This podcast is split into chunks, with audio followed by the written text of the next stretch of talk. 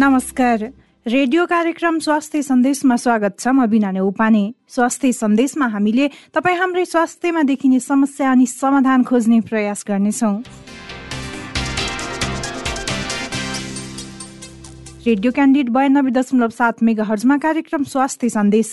तपाईँले हाम्रो website W W W dot radio candid dot com हाम्रो आधिकारिक फेसबुक पेज रेडियो क्यान्डिडको एप्स डाउनलोड गरेर तथा पोडकास्टमा समेत सुन्न सक्नुहुनेछ। हाम्रो जीवन सुन्दर अनि अमूल्य छ। यो मानव जीवनको बयान शब्दले सायद अपुग हुन्छ। जसले जीवनलाई सुन्दर तथा कलात्मक तरिकाले जिउन जान्दछ त्यो मानव नै बुद्धिमान ठहरिन्छ अहिलेको समयमा। समाजमा ऊ अब्बल दर्जाको रूपमा उदाहरणीय पनि भइरहेको हुन्छ। तर जीवन जिउने कला सबैमा हुँदैन। कतिपय मानिसहरू जीवन जिउन नजानी नराम्रो लत अर्थात् कुलतको सहायता लिन बाध्य भइरहेका छन्। कुलतलाई खराब बानी मानिएको छ। जीवनको सुन्दरता तथा महत्वबारे जानकार नपाउनेहरू लापरवाही पूर्वक वा नबुझेर क्षणिक आनन्दको लागि आफ्नो अमूल्य जीवनलाई लागु औषधको दुर्व्यसनमा डुबाउने गरेका छन्। सरकारी तथ्याङ्क अनुसार एक लाख तीस हजारको हाराहारीमा नेपालमा कडा लागु पदार्थ सेवन गर्नेको संख्या रहेको छ र त्यो मध्ये सात प्रतिशत महिला रहेका छन्। प्रतिवर्ष एघार दशमलव छत्तिस प्रतिशतका दरले दुर्व्यसनीको संख्या पनि बढ्दै गएको तथ्याङ्कले देखाएको छ। संयुक्त राष्ट्र संघीय संस्थाले गरेको अध्ययन अनुसार विश्वमा तीस करोडले लागु औषध दुर्व्यसनी गरेका छन्। त्यसै गरी तीन खर्ब बत्तीस अर्ब डलर वार्षिक यसको कारोबार पनि हुने गरेको छ। विश्वमा हात हतियार लागु औषध र मानव तस्करी सबैभन्दा बढी कारोबार हुने तीन शीर्षकमा पर्ने गरेका छन्। विश्व स्वास्थ्य संगठनका अनुसार लागु औषध भनेको रासायनिक पदार्थ हो। यो स्वस्थ शरीरको लागि प्रयोग गर्न नमिल्ने पदार्थमा पर्दछ। विश्वमा अनुमानित उन्नाइस करोड बिस लाख व्यक्तिले गाँजाको सेवन गर्ने गरेका छन्। गाँजाको दुर्व्यसनीका कारण करिब एकहत्तर प्रतिशत व्यक्तिले अकालमा ज्यान गुमाउने गरेका छन्। गाँजा पछि धेरै प्रयोग हुने अफिम सबैभन्दा हानिकारक लागु औषधका रूपमा रहेको छ। त्यसैले आजको स्वास्थ्य सन्देशमा हामी यसै विषयमा केन्द्रित हुँदैछौँ। यो चाहिँ हामीले के भन्न थालिरहेको छौँ भने यो चाहिँ स्वभाव हो। स्वभाव भनेको चाहिँ मैले भनेको नमानेर मलाई नटेर हो भन्ने चाहिँ रियलिटीमा यो समाज यो बिहेभियरल प्रब्लम मात्रै नभएर यो इलनेस हो यो रोग हो। रोगको जहिले पनि उपचार हुन्छ। पहिला बुझ्नु पर्यो यो रोग हो रोगको उपचार हुन्छ त उसलाई साथ चाहिन्छ। उसलाई साथ चाहिँ डक्टरले चिकित्सकले साइकोलोजिस्टले घर परिवारले समाजले र ऊ आफैले सबैजनाको सहयोगमा बसेर चाहिँ यो समस्याबाट समाधान हुन सक्छ। आजको कार्यक्रममा हामीले जानकारी र टिप्स राखेका छैनौँ। आजको कार्यक्रम कुराकानीमा नै केन्द्रित हुनेछ। रेडियो क्यान्डिड बयानब्बे दशमलव सात मेगा हर्जमा कार्यक्रम स्वास्थ्य सन्देश। तपाईँले हाम्रो website W W W dot radio candid dot com हाम्रो आधिकारिक फेसबुक पेज रेडियो क्यान्डिडको एप्स डाउनलोड गरेर तथा पोडकास्टमा समेत सुन्न सक्नुहुनेछ। विशेष गरी अत्याधिक आकाङ्क्षा बोक्ने युवा युवतीले लागु पदार्थको दुर्व्यसनीमा फँसेको पाइन्छ। शरीर तथा मस्तिष्कलाई नै लट्ठ बनाउने नसालु पदार्थलाई लागु पदार्थ भनिन्छ भने त्यही पदार्थको खराब लतलाई दुर्व्यसन भनिन्छ। यस्ता लागु पदार्थको लतले मानव मस्तिष्क निष्क्रिय हुन्छ। लागु पदार्थ अन्तर्गत मुख्यतया ब्राउन सुगर हिरोइन अफिम पर्दछन्। जीवनलाई कर्तव्य र आनन्दको सङ्गम ठान्न नसक्दा मानिस अनौठो विकृतिको खाडलमा भाँसिन पुगेको हुन्छ। राष्ट्र निर्माणमा संलग्न हुनुपर्ने युवा पुस्ता नै यस्ता दुर्व्यसनीको शिकार बन्नु राष्ट्रका लागि ज्यादै गम्भीर समस्या पनि बन्न पुगेको छ। आजका युवा भोलिका आश लाग्दा शक्ति हुन्। यदि युवा नै दुर्व्यसनीमा फँसे भने देशको विकास कसरी हुन्छ त? आजका युवा नै भोलिका जिम्मेवारयुक्त तहमा पुगे भने स्थिति के होला? परिकल्पना नै गर्न सकिन्न। त्यसैले पछिल्लो समय युवा नै किन लागु औषध दुर्व्यसनीमा फँसेका छन् भनेर आजको स्वास्थ्य सन्देशमा कुराकानी गर्दैछौँ।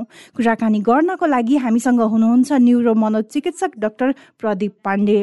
स्वागत छ डाक्टर साहब स्वास्थ्य सन्देशमा। धन्यवाद धन्यवाद। पछिल्लो समय युवा पुस्ता नै लागु पदार्थ दुर्व्यसनीमा धेरै फँसेका छन् भनेर आइरहेको छ डाक्टर साहब। अब हामीले यो लागु पदार्थ दुर्व्यसनलाई चाहिँ कसरी बुझ्ने? अब लागु पदार्थको दुर्व्यसन भन्ने बित्तिकै हामीले अब अहिले चाहिँ खासै हामीले नेपाल उसबाट जस्तै चुरोट खाने रक्सी खाने गाँजा खाने गोटी खाने ट्याब्लेट्सहरू लिने इन्जेक्सन्सहरू लिने यस्तोलाई चाहिँ हामीले दुर्व्यसनमा परेको भनेर भन्छौँ होइन।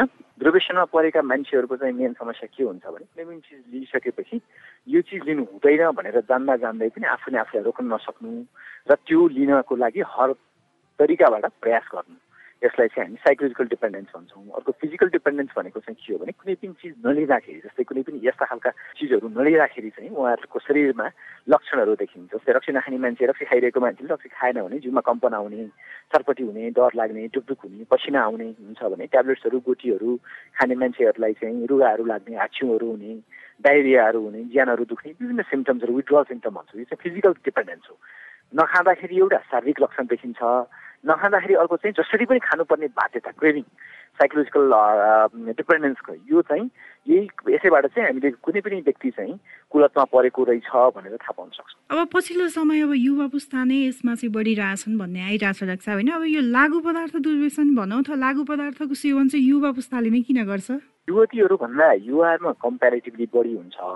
र युवाको उमेर भनेको नर्मल्ली चौध वर्ष पन्ध्र वर्ष कटेदेखि बिस वर्ष एक्काइस वर्षसम्मका बच्चाहरूले अथवा यो एजमा सुरु गरिने चिज हो यो कुराहरू। यसो कारण चाहिँ के हो भने त्यो पर्सनालिटीको कुरा हो कि चाहिँ स्वभावमा चाहिँ कस्तो हुन्छ नि बिस्तारै उनीहरू इन्डिपेन्डेन्ट बन्न खोज्दै जानु र इन्डिपेन्डेन्ट बन्न खोज्दै गर्दाखेरि चाहिँ उनीहरूले विभिन्न च्यालेन्जेसहरू लिन चाहन्छन् जीवनमा। नयाँ चिजहरू सिक्न चाहन्छन् नयाँ चिजहरू अनुभव गर्न चाहन्छन्। अब यो नयाँ चिज सिक्ने नयाँ चिज अनुभव गर्ने जीवनमा नयाँ च्यालेन्जेसहरू फेस गर्ने बेलामा यदि उनीहरूलाई सही बाटो देखाइएन सही डिरेक्सन दिन सकिएन समाजले परिवारले अथवा चाहिँ उहाँका जति पनि व्यक्तिहरू नजिक आफन्तहरू हुन्छ उहाँहरूले सक्नु भएन भने उहाँहरूले चाहिँ बिस्तारै चाहिँ यो अर्को कुलतको बाटोतिर गएर त्यहाँबाट च्यालेन्ज जस्तै चाहिँ चुरोट खाँदाखेरि कस्तो हुँदो रहेछ रक्सी खाँदा कस्तो हुँदो रहेछ साथी साथीमा कम्पिटिसन पनि हुन्छ ए यसले चुरोट खान सक्दैन यसले रक्सी खान सक्दैन भन्ने खालको महसुस भएपछि चाहिँ उनीहरूलाई एउटा आफू कमजोर भएको योले रक्सी खायो भने चाहिँ मलाई यो दाइले माया गर्छ चुरोट खायो गाँजा खायो भने चाहिँ यो दाइले मलाई माया गर्छ भन्ने कारणले गर्दा आफ्नो आइडेन्टिटी देखाउनलाई पियर प्रेसरको बाध्यताले गर्दाखेरि वरिपरि भएका व्यक्तिहरूमध्ये खाने मान्छेहरूको बिचमा कम्पिटिसन त आफ्नो अस्तित्व म पनि कडा हो है। म पनि खतरा हुँ है भनेर आफू आफैलाई जबरजस्ती प्रमाणित गर्नका लागि उनीहरू चाहिँ डिप्रेसनमा लाग्छन्। र यो लाग्नुको मुख्य कारण भनेकै के हो भने हाम हाम्रो हाम्रो एकाडेमिक शिक्षा अथवा चाहिँ हाम्रो चाहिँ प्यारेन्टिङको पार्ट यो सबै चिजको समस्या हो। जब जब कुनै पनि व्यक्तिले चाहिँ घरमा बस्दै गर्दाखेरि चाहिँ साथ भेट्दैन अथवा एक्लोपनको महसुस गर्छ उसले चाहिँ पनि साथ खोज्छ। साथ खोजिसकेपछि ऊ घरबाट बाहिर जान्छ घरबाट बाहिर निस्किसकेपछि ऊ साथीहरूको साथ खोज्छ। त्यसबाट पनि उसले एक्लोपनको महसुस गर्यो भने उसले चाहिँ यस्ता कुलत अथवा दुर्वेशनको साथ लिएर आफ्नो जीवनलाई अगाडि बढाउने प्रयास गर्छ। धेरैजनाले चाहिँ अब आफ्नो घर परिवारको सपोर्ट नपाएर पनि यो सेवन गर्ने गर्नुहुँदो रहेछ होइन? कतिपयले चाहिँ अब घरमा नै अब जुन व्यवहार पहिला भइरहेको छ र यो सेवन गर्न थाले पछाडि व्यवहार पनि चेन्ज हुने र थाहा पाउने गरेको भनेर पनि भन्ने गर्नुहुन्छ। कतिपयले चाहिँ अब धेरै समयसम्म भनौँ थाहा धेरै वर्षसम्म पनि थाहा नपाउने हुने रहेछ क्या? अब यो सेवन गर्दै गर्दाखेरि चाहिँ अब कसरी थाहा पाउन सक्नुहुन्छ घर परिवारले? त्यस्तो लक्षण कुनै देखा पर्छ? लक्षण त देखा परिहाल्छ। ख्याल गऱ्यो भने त जस्तै गरेर उसको पढाइहरू बिग्रने स्कुलहरू जान अथवा कलेजहरू जान नखोज्ने कोठामा एक्लै चुक्को लगाएर बस्ने मान्छेहरूसँग धेरै कुरा नगर्ने समाजमा गएर समाजसँग घुलमिल हुने यस्ता खालका क्रियाकलापहरूमा सकेसम्म सहभागी नहुने त्यो भने उसलाई चाहिँ आँखाहरू चाहिँ राता राता भएको जस्तो हातमा कम्पना आएको जस्तो अथवा चाहिँ खानाहरू कम खानु अथवा चाहिँ मान्छे दुब्लाउँदै जानु यस्ता विभिन्न खालका सिम्टम्सहरू उसमा हुनसक्छ। यी सिम्टम्सहरूबाट यी लक्षणहरूबाट पनि थाहा हुन्छ र उसले सोधेका प्रश्नहरूको सही उत्तर दिन नखोज्नु केही लुकाएको जस्तो गर्नु। त्यो कारणले गर्दा हामी कतिपल्ट पेसेन्टको पार्टीहरूलाई घरमा गएर कोठाहरू चेक गर्नु भएको छ उहाँको गोजीहरू चेक गर्नु भएको छ भन्दा कति मान्छेले हेर्नै भ्याएको हुँदैन। सो त्यो समस्या हुँदाखेरि पनि लामो समय पाँच वर्ष दस वर्षदेखि चाहिँ गोटीहरू ट्याब्लेट्सहरू खाएको छोराछोरीको पनि इन्जेक्सन चाहिँ हानेको छोराछोरीको पनि खुट्टाहरू काट्ने बेला हुँदासम्म पनि परिवारका सदस्यहरूलाई केही ज्ञानै हुँदैन। किनभने श्रीमान पनि अफिस जाने श्रीमती पनि अफिस जाने मैले पैसा कमाएर ल्याइदिएको छु। केटाकेटी स्कुल गइरहेछन् पढिरहेछन् भन्ने खालको धारणाबाट हामी चाहिँ त्यसैबाट त्यति मात्रै गरेपछि पुग्छ भन्न ठान्छौँ तर के भने कम्पिटिसनको भावले गर्दा र विभिन्न कारणले गर्दा आफूले धेरै समय अफिसमा दिनुपर्ने र घर परिवारलाई समय दिन नपाउँदाखेरि यी लक्षणहरू सुरुको अवस्थामा थाहा नपाइनु चाहिँ मुख्य कारण हो। यहाँले भन्नुभयो अब हात खुट्टा काम्ने कम्पन हुने जिउमा भनेर होइन यो चाहिँ अब सामान्य लागु औषधमा भनौँ त्यसमा पनि अब क्याटेगोराइज हुने रहेछ होइन यो चाहिँ कडा खालको यो चाहिँ नरम खालको भनेर। जुनसुकै सेवन गर्नेलाई पनि अब यो अहिले भनेका जस्ता लक्षण देखा पर्ने हुन् कि यो अब कडा खालको नै देखा पर्ने एउटा के छ सबैको फरक हुन्छ। त्यो खाने मान्छेहरूलाई छटपट जस्तो हुनसक्छ आतुरी हुनसक्छ होइन? अथवा कन्सपिरेसन जस्तो हुनसक्छ अथवा निद्रा नलागे जस्तो हुनसक्छ। रक्सी खाने मान्छेलाई चाहिँ कम्पनहरू आउने पसिनाहरू आउने डुकडुक हुने आँखामा आँखा जुदाएर कुरा गर्न नसक्ने मरिन्छ कि जस्तो लाग्ने छटपटी हुने निद्रा नपर्ने यो चाहिँ रक्सी खाने मान्छेहरूलाई हुन्छ। कतिपल्ट रक्सी खाने मान्छे बेहोसीमा जाने बर्बर आउने छारेहरू हुने जन्डिसहरू हुने विभिन्न समस्याहरू चाहिँ रक्सी खानेमा हुन्छ भने यो गाँजा खाने मान्छेहरूमा चाहिँ दुब्लाउँदै जाने उनी थपक्कै एक्लै बस्ने ए मोटिभेसन सिन्ड्रम भन्छ। कुनै पनि चिज गर्ने चाहना नहुने कुनै पनि चिज गर्ने रहर नहुने अनि त्यो कारणले गर्दा अरूले भनेको भनेपछि मात्रै केही गर्ने आफ्नो इच्छा शक्ति अथवा आफ्नो इन्ट्रेन्सिक मोटिभेसन्सहरू के नहुने यो चाहिँ फेरि गाँजाहरूमा हुन्छ। त्यस्तै गोटीमा ट्याब्लेट्समा चाहिँ फेरि त्यो ब्राउन सुगर्सहरू खाने मान्छेहरूमा अथवा चाहिँ ओपिड्सहरू लिने मान्छेहरूमा चाहिँ फेरि त्यो नखाँदाखेरि चाहिँ उनीहरूको चाहिँ निद्रा नपर्ने अथवा ढाडहरू एकदमै ककर खायो भन्ने त्यस्तै गरेर चाहिँ उनीहरूको चाहिँ दिशाहरू चाहिँ पातलो हुने हात आउने आँखाबाट आँसु आउने रुगा लाग्ने ज्यान दुख्ने यो फेरि अर्कोमा भयो।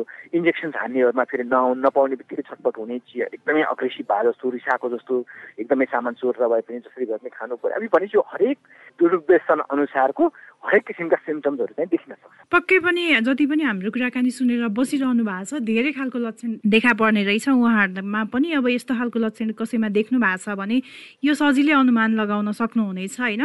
अब यो त भयो लक्षणको कुराहरू साहब होइन लागु पदार्थ दुर्व्यसन गर्नेहरूमा। यसले अब तत्काल र दीर्घकालीन रूपमा चाहिँ कस्तो असर गर्छ? अब लङ रनमा चाहिँ यसरी खाइरहेपछि के हुन्छ भने उनीहरूको सबभन्दा पहिलो कुरा त जीवनको आधार नै बिग्रन्छ उनीहरूले भविष्यमा गर्ने योजना भविष्यका सपनाहरू भविष्यमा चाहिँ उनीहरूले के गर्न खोजेको हो जस्तै मेडिकल फिल्ड पढ्न खोजेको भने डाक्टरी पढ्न खोजेको भने डाक्टरी बिग्रन सक्छ इन्जिनियरिङ पढ्न खोजेको भने इन्जिनियरिङ बिग्रन सक्छ चार्ट एकाउन्टेन्सी पढ्न खोजेको भने त्यो बिग्रन सक्छ। एमबिए जुनसुकै एकाडेमिक स्ट्याटस उनीहरूको कमजोर हुँदै जान्छ। समाजप्रति उनीहरूको डर बढ्दै जान्छ। परिवारप्रति पनि उनीहरूको डर बढ्दै जान्छ। यो त सामाजिक कुराहरू भए पारिवारिक कुरा। घर परिवारमा चाहिँ बिहा गरिसकेपछि इन्टरभेसनमा लागेपछि चाहिँ डिभोर्सका समस्याहरू हुने यी तनाव तमाम समस्याहरू लिएर चाहिँ बिरामीहरू हामी ठाउँमा आइपुग्नुहुन्छ मेरो जुन श्रीमानले रक्सी खानुहुन्छ गोटी खानुहुन्छ मलाई पिट्नुहुन्छ कुट्नुहुन्छ म बस्न सक्दिनँ त्यही भएर म डिभोर्स गर्न खोजिरहेको छु भनेर आउनुहुन्छ भनेपछि यी भए सामाजिक कुराहरू व्यक्तिगत हिसाबमा त उहाँको शरीरमा स्वास्थ्यमा मनमा ब्रेनमा असर गर्छ इन्सोमियाको समस्या आउँछ एङ्जाइटीको समस्या आउँछ डिप्रेसनको समस्या आउँछ र पागलपनसम्म जाने समस्या पनि आउँछ कति मानिसहरू चाहिँ दुर्पेसनमै लागेर पागलपन र दिमागले कामै नगरेर चाहिँ हामीले चाहिँ मानसिक अवस्थामा भर्ना गर्नुपर्ने र लामो समयसँग उपचार गर्नुपर्ने यी खालका बाध्यता आउँछ र यो एउटा व्यक्तिको समस्या नभएर यो पुरै घरको पुरै परिवारको र इभन उहाँहरूले पछि चाहिँ चोरीहरू गर्ने हत्याहरू गर्ने अथवा चाहिँ कुनै विभिन्न खालका क्रिमिनल एक्टिभिटिजहरू गर्न सक्ने सम्भावना भएको भएर यो कुनै एउटा व्यक्तिको समस्या होइन यो समाजको र यो देशको समस्या पक्कै पनि पछिल्लो समय अब यो बढ्दै जाने क्रमले गर्दाखेरि भनौँ होइन देशमा नै विकराल समस्याको रूपमा चाहिँ लागु पदार्थ दुर्व्यसनी बनेको छ।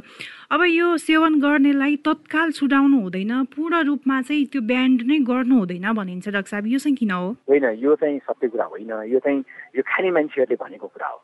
छोड्ने भनेको जहिले पनि एकैचोटि नै छोड्ने हो। तर त्यो छोड्दाखेरि चाहिँ मान्छेले बुझ्दै नबुझिकन त्यत्तिकै यो मैले भनेको नटेरेर हो मैले भनेको नमानेर हो मलाई हेपेर हो भन्दा श्रीमतीले भन्ठान्ने बाउले भन्ठान्ने त्यो कारणले गर्दाखेरि यो चिजलाई हामीले बुझेकै छैनौँ। यो चाहिँ हामीले के भन्न ठानिरहेको छौँ भने यो चाहिँ स्वभाव हो।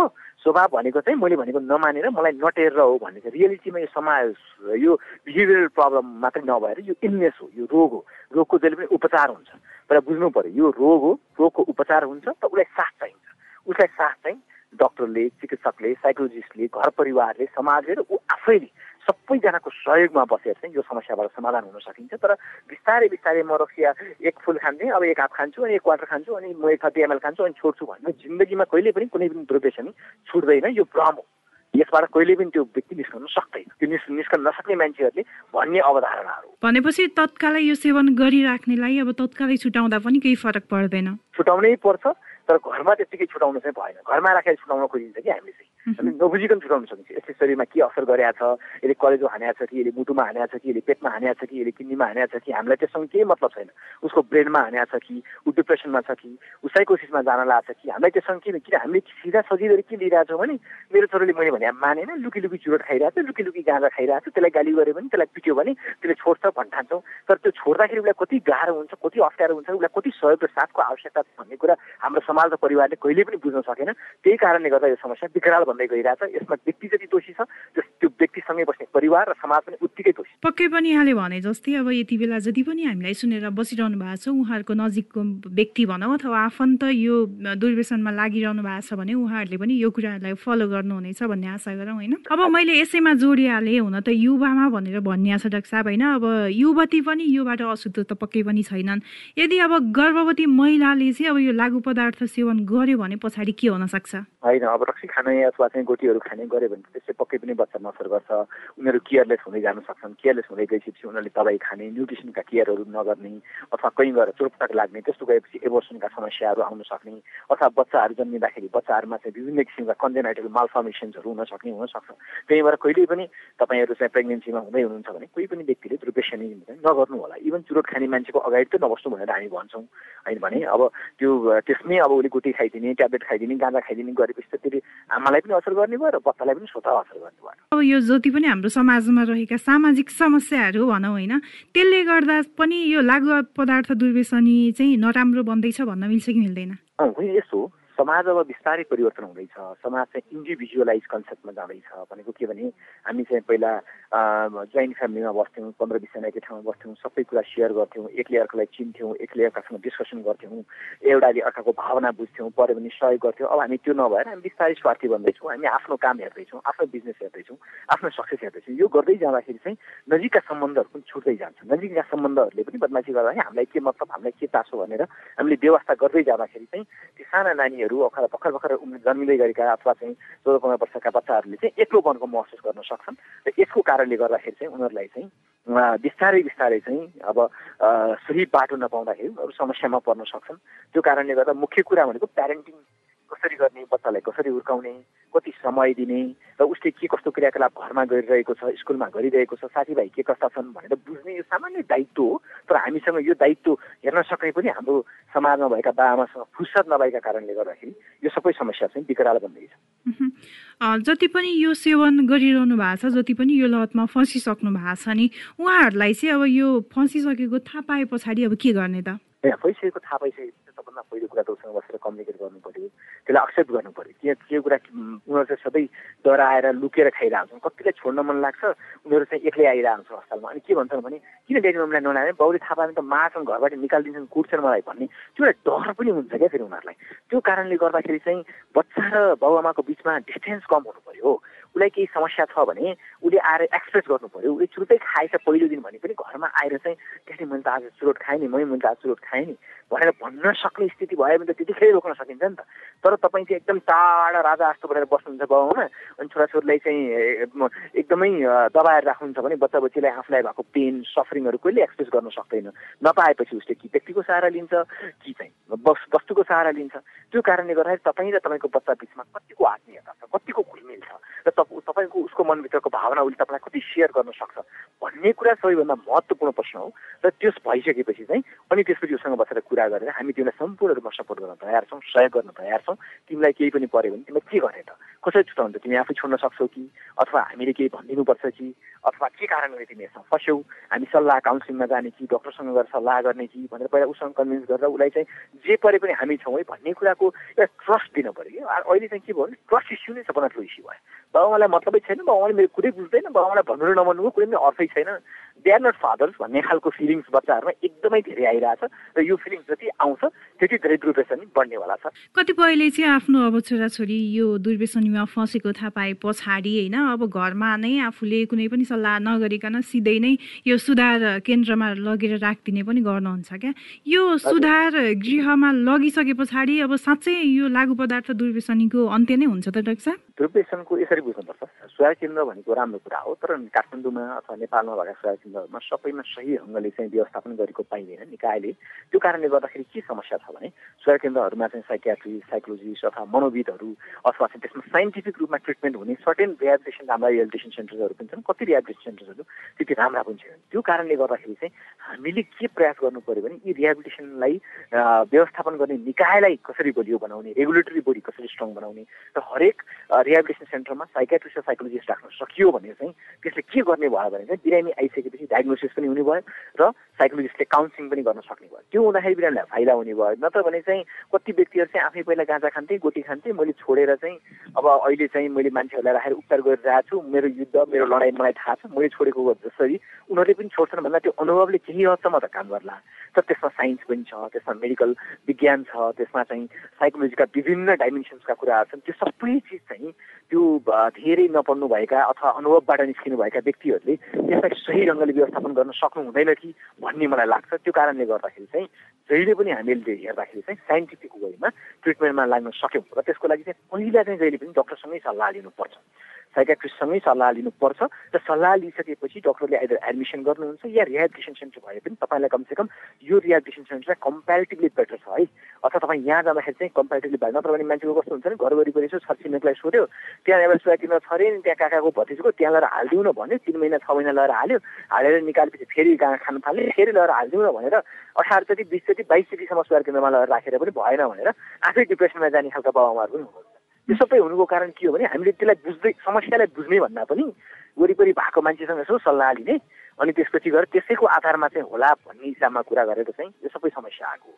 यसलाई उपचार गर्न सकिन्छ तर यसको सबै पाटा बुझेर सही ढङ्गले प्रयास गरियो भने मात्र कतिपयले त अब आफ्नो नजिकको व्यक्तिलाई अब यस्तो समस्यामा पर्नु भएको छ अथवा लागु औषध दुर्व्यसनीमा फसिरहनु भएको छ भने अब उहाँहरूसँग नजिक भएर सम्झाउने बुझाउने गरेर अब आफ्नो घर परिवार पनि नजिक भएको पाउँछौँ। कतिपय अवस्थामा चाहिँ अब त्यस्तो यस्तो गर्दैछ भनेपछि अब यो छिछि दूर दूर गर्ने चलन पनि धेरै छ क्या डाक्टर साहब।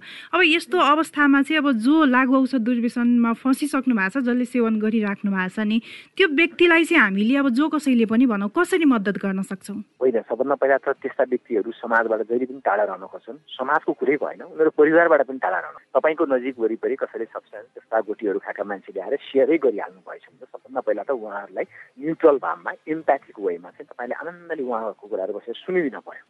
सुनिदिएर उहाँहरूलाई पनि त्यो रेस्पेक्ट इज्जत अथवा त्यो दिन सक्नु पर्यो। त्यो दिइसकेपछि जब कुरा गरेर उहाँहरूलाई तपाईँमाथि ट्रस्ट बिल्डअप हुन्छ अनि बल्ल यसमा चाहिँ सहयोग हुनसक्छ है यसमा चाहिँ सन्चो हुनसक्छ है।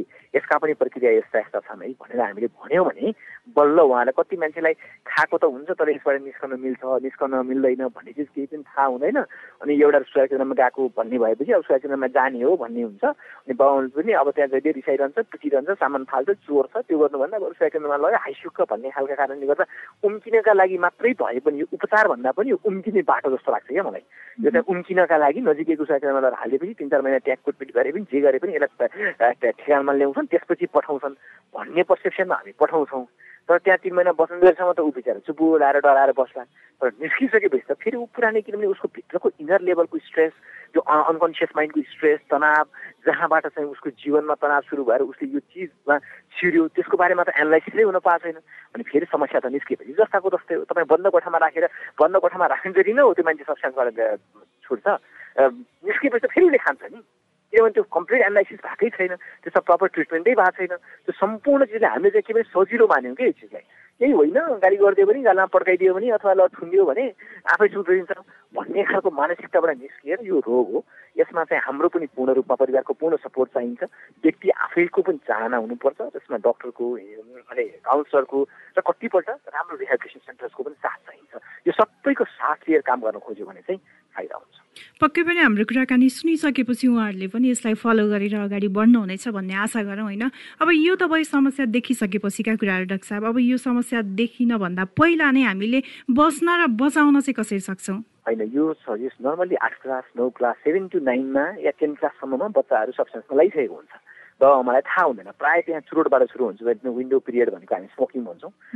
तराई जोनमा खैनी हुनसक्छ तर काठमाडौँ जस्तो अथवा अगान सिटिजहरूमा चाहिँ most of the time smoking सुरु हुन्छ। स्मोकिङमा गाजा मिसिन्छ गाजापछि बल्ल ट्याब्लेट कुटी जाने हो। त्यही भएर त्यतिखेर नै बच्चालाई चाहिँ एजुकेसनका कुराहरू अथवा चाहिँ यो एडुकेसन सम्बन्धी विभिन्न अवेरनेस प्रोग्रामहरू बनाउन सकियो। यसले के कस्तो प्रभाव पार्छ र प्रभाव परिस्थिति निस्कन कति गाह्रो हुन्छ र एउटा मान्छेको जिन्दगी कसरी बर्बाद गर्छ भनेर चाहिँ यस्ता खालका अवेरनेस प्रोग्रामहरू गराउने अथवा स्कुलले पनि यस्ता रिहेबिलिटेसन सेन्टर्सहरूमा लगेर चाहिँ हेर्नु है चुरो ड्रग्सी गाँजा खायो भने यसरी चाहिँ आएर चाहिँ यसरी चाहिँ उपचार गर्न पर्छ अथवा चाहिँ साइकेट्रिक हस्पिटलमा लगेर यसरी उपचार गर्नुपर्छ भन्ने खालका कुराहरू चाहिँ प्र्याक्टिकल्ली देखाउने अथवा चाहिँ त्यो नदेखाए पनि प्रेजेन्टेसन्सहरूमा चाहिँ त्यसरी बुझाउने यी खालका चिजहरू गर्न सकियो। अथवा बाउ पनि प्यारेन्टिङ सम्बन्धी अथवा चाहिँ यो सम्बन्धी यसले कतिसम्म प्रभाव पार्न सक्छ भन्ने खालका कुराहरू जस्तै गरेर कति कल्चरमा जस्तै एउटा त्यस्तो भन्न त मिल्दैन। नेवारी कम्युनिटीमा के हुनसक्छ भने अल्कोहल खानु भनेको चाहिँ एउटा चाहिँ धर्म कल्चरले दिएको कुरा हो। त्यही भएर यो खानुपर्छ भन्ने खालको हुनसक्छ। त्यो पार्सियली ट्रु होला। तर त्यो कति खाँदा कस्तो हुन्छ धेरै खाए के हुन्छ? भन्ने कुरा थाहै नभएपछि पुरै समाजले लिइरहेको हुनसक्छ। समाजले सबै समाजका मान्छेहरू थोरै थोरै तिसैमा खाना केही नहोला। तर तिनै मध्ये कोही त मान्छे यस्तो होला जसले बढी खाइदेला अनि बढी खाएपछि उसको कलेजो बिग्रिन्छ कलेजो बिग्रिएछ मलाई थाहै हुँदैन किनभने सारा घर घरमै रक्सी बन्छ परिवारले बनाइरहेछ समाजले बनाइरहेछ पुरै युनिटीले नै बनाइरहेछ। भनेपछि यो समाज पुरै समाजले स्वीकार गरेको चिज कसरी तपाईँ गलत हुनुहुन्छ कसरी छोड्ने? किन छोड्ने? के का लागि छोड्ने? त्यो चिजहरू चाहिँ बुझ्न जरुरी छ कि? र पछि अन्तिम अवस्थामा कलेज बिग्रिएर सिरोसिस भइसकेपछि जन्डिस भइसकेपछि रियलाइजेसन गरेर त्यो समाजले पनि दुःख पाउँछ त्यो व्यक्तिले पनि दुःख पाउँछ त्यो परिवारले पनि दुःख पाउँछ। यति बेला जति पनि स्वास्थ्य सन्देशमा हाम्रो कुराकानी सुनेर बसिरहनु भएको छ नि एउटा न्युरो मनोचिकित्सक भएको नाताले चाहिँ के सन्देश दिन चाहनुहुन्छ? अब सब्सटेन्समा लाग्नुको सबभन्दा ठुलो कारण भनेको चाहिँ जहिले पनि म भ्याकेन्सी इन द माइन्ड भन्छु कि? मन जब खाली भयो जब मन एक्लो भयो जब मन निराश भयो र जब मनले साथ पाएन त्यतिखेर बच्चाहरू चाहिँ साथको खोजीमा चाहिँ व्यक्तिथिम जान्छन् साथीहरूतिर जान्छन् अनि साथीहरूबाट नयाँ नयाँ चिजहरू सिक्छन्। साथीहरूतिर जानुगत चिज होइन। सही साथीको सम्म सँग सम्बन्ध राखेको छ कि छैन कस्तो व्यक्तिसँग सम्बन्ध राखेको छ मेरो छोराको अवस्था कस्तो छ उसको बोली कस्तो छ उसको विचार कस्तो छ उसको व्यवहार कस्तो छ उसले केही फरक चिजहरू गरिरहेको छ कि छैन सधैँ सोधे पनि नसोधे पनि त्यसलाई नजिकबाट निहाल्नु चाहिँ जरुरी छ। यो नर्मली टिनेजमा हुने भएको भए चौध वर्षदेखि लिएर एक्काइस वर्षसम्मका बालबच्चाहरूलाई हामीले सही ढङ्गले चाहिँ केही भने पनि नभने पनि हामीले चाहिँ सर्भिलेन्समा राख्न सक्यौँ भने चाहिँ र केही हुने बित्तिकै तुरन्त इनिसियल फेजमै लान सक्यौँ भने चाहिँ यसलाई काउन्सिलिङबाटै सहज रूपमा सामान्य रूपमा हटाउन सकिन्छ।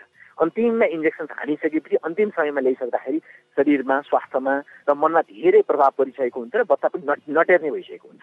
त्यही भएर यसलाई अर्ली इन्टरभेन्सन गऱ्यौँ अर्ली प्रिभेन्सन गर्न खोज्यो भने चाहिँ यसले सबैलाई फाइदा गर्छ। यहाँको महत्त्वपूर्ण समय र जानकारी स्वास्थ्य सन्देशमा आएर राखिदिनु भयो त्यसको लागि धेरै धेरै धन्यवाद। धन्यवाद। अहिलेको समयमा युवा पुस्ता किन लागु पदार्थ दुर्व्यसनीमा फँसेका छन्? घर परिवार तथा साथीभाइको भूमिका कस्तो हुनुपर्छ? लत लागेको हामीले कसरी थाहा पाउन सक्छौँ? फस्न नदिनका लागि पहिला नै के के गर्न सकिन्छ? फँसिसके पछाडिको लक्षण तथा उपचारको पाटो कस्तो छ? यो लतबाट हामीले कसरी छुटाउन सक्छौँ र पहिला नै के के कुरामा ध्यान दिनुपर्छ भनेर जानकारी दिँदै हुनुहुन्थ्यो न्युरो मनोचिकित्सक doctor Pradeep Pandey. Radio candidate बयानब्बे दशमलव सात मेगा हर्जमा कार्यक्रम स्वास्थ्य सन्देश। तपाईँले हाम्रो website W W W dot radio candidate dot com हाम्रो आधिकारिक फेसबुक पेज रेडियो क्यान्डिडेटको एप्स डाउनलोड गरेर तथा पोडकास्टमा समेत सुन्न सक्नुहुनेछ। पछिल्लो समय बढेको युवा लागु औषध दुर्व्यसनमा केन्द्रित भएको स्वास्थ्य सन्देश तपाईँलाई कस्तो लाग्यो? हामीलाई सल्लाह सुझाव र प्रतिक्रिया दिन नभुल्नुहोला। त्यसको लागि हाम्रो ठेगाना हो कार्यक्रम स्वास्थ्य सन्देश।